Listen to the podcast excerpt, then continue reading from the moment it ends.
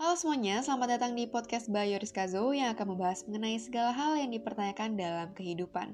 Awal mulanya ide podcast ini berawal dari aku yang emang bawel, suka ngomong, terutama di second account Instagram, dan suka curhat. Dan suka mempertanyakan banyak pertanyaan tentang kehidupan. Jadi muncul ide, kenapa nggak dibikin podcast aja? Oleh karena itu, selamat datang semuanya. Semoga podcast ini akan menghibur dan semoga saja tidak boring. Semoga bisa menemani kalian yang mungkin lagi gabut atau lagi nyetir atau lagi kesepian sambil ditemani suara hujan dengan coklat hangat di genggaman tangan.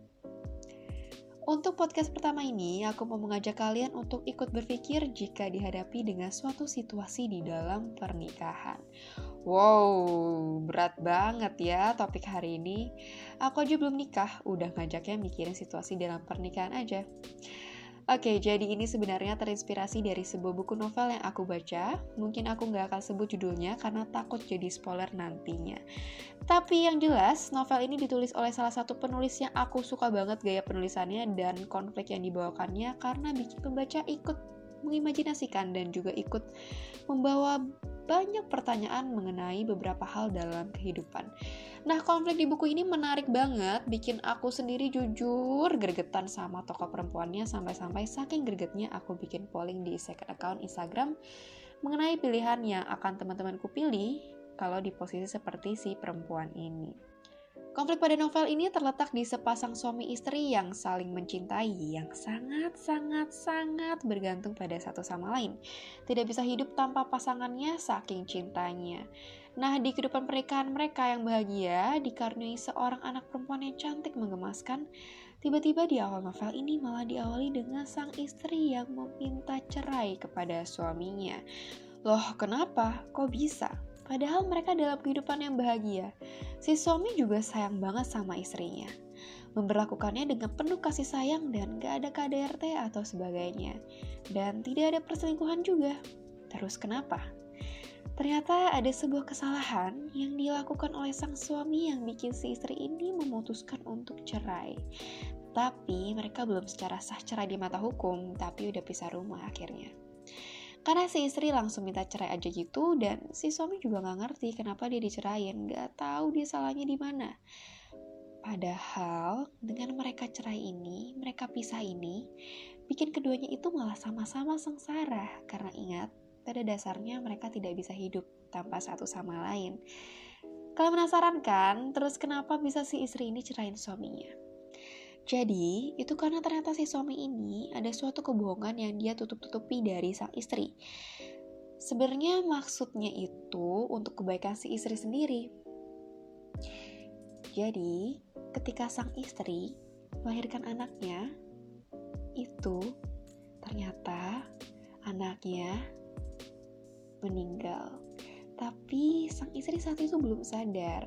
Jadi, sang suami berpikir nantinya pas bangun, si istri ini nggak akan sanggup menerima kenyataan dan akan sedih banget. Jadi kebetulan banget, si suami nemu ada bayi lain yang orang tuanya nggak mau nyimpan bayi ini. Jadi diambillah bayi perempuan ini jadi dianggap jadi anaknya yang baru dilahirkan. Jadi ketika sang istri bangun, taunya itu bayinya dia yang baru dilahirin.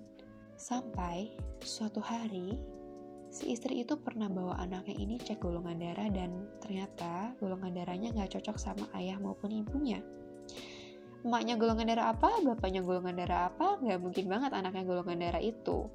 Misalnya, bapaknya golongan darah O, mamanya golongan darah O, nggak mungkin anaknya tiba-tiba AB. Ya kan? Di situ, istrinya ngerasa seperti dibohongin banget sama sang suami. Bener-bener kecewa. Sampai akhirnya memutuskan untuk cerain suaminya. Padahal sebenarnya keputusan si istri ini apakah akan memperbaiki segalanya? Atau malah mendatangkan musibah baru buat mereka karena nyatanya mereka sama-sama makin tersiksa dan tidak bahagia. Nah, di sini menjadi suatu keputusan yang cukup menarik ya teman-teman dan membawa banyak opini dari teman-teman seakan-akan aku di polling Instagram aku saat itu. Di sini aku cukup kecewa dengan sang istri yang tidak konfrontasi suaminya terlebih dahulu.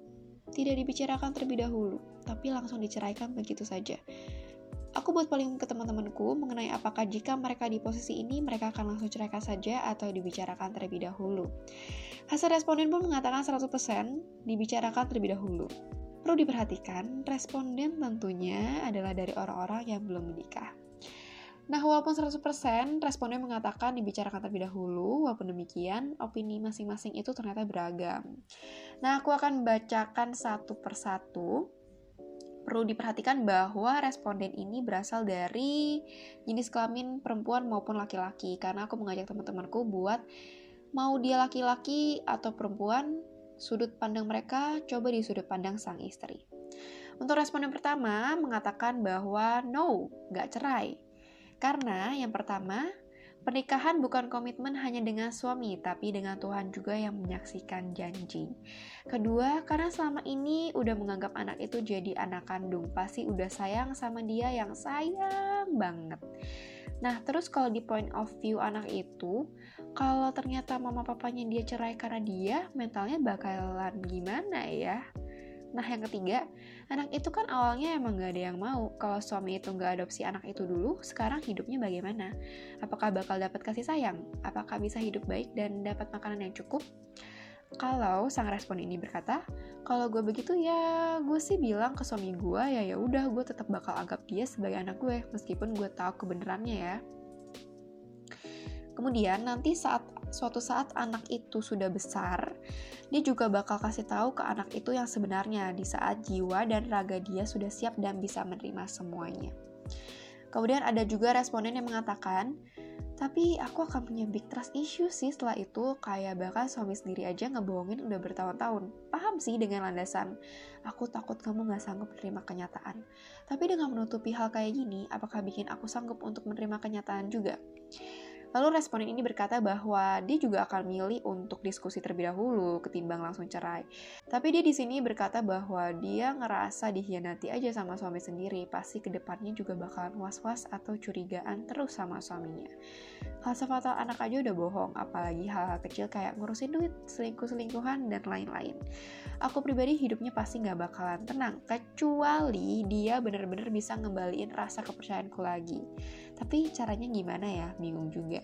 Kemudian ada juga responden yang berkata, bisa aja karena kayak udah lama gitu sama si anak meskipun bukan anak kandung, tapi kayaknya karena sudah dianggap sebagai anak kandung juga jadinya kan udah sayang juga ya.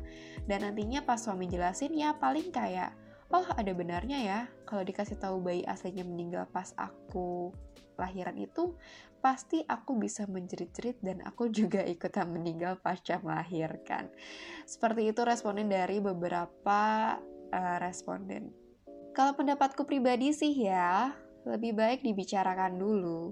Cerai bukanlah jalan yang akan menyelesaikan masalah, malah terkadang membawa masalah baru.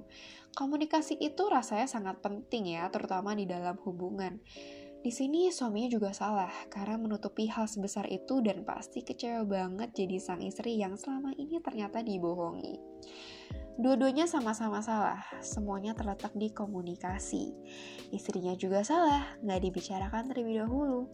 Belum dengar dari sisi suaminya, sudut pandang suaminya seperti apa udah dicerai terlebih dahulu. Dan nyatanya mereka memang jadi semakin tersiksa dan tidak bahagia.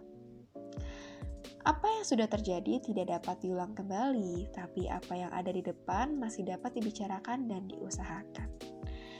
Kalau menurut kalian bagaimana? Do you choose divorce or confront? Apakah kalian sekecewa itu dengan si suami sampai langsung cerai seperti si istri di novel ini? Atau kalian pilih bicarakan dulu? Jika ya bicarakan dulu, lalu kalian ceraikan atau tetap bertahan? Silahkan kasih opini kalian di direct message Instagramku at yoriska underscore zo. Akan menarik banget untuk dengerin pendapat kalian semua karena tentu setiap orang punya sudut pandang dan opini yang berbeda-beda. Rasanya topik-topik seperti ini menarik banget untuk dibahas dan bisa dengar opini-opini dari berbagai macam orang. Semoga kalian semua suka podcast pertama ini. Kalau ada kritik dan saran bisa langsung hubungi aku di Instagram. And see you di podcast selanjutnya. Ada apa dengan hidup? Mari kita bicarakan. Saya Yoris Kazo, pamit undur diri. Terima kasih semuanya. See ya.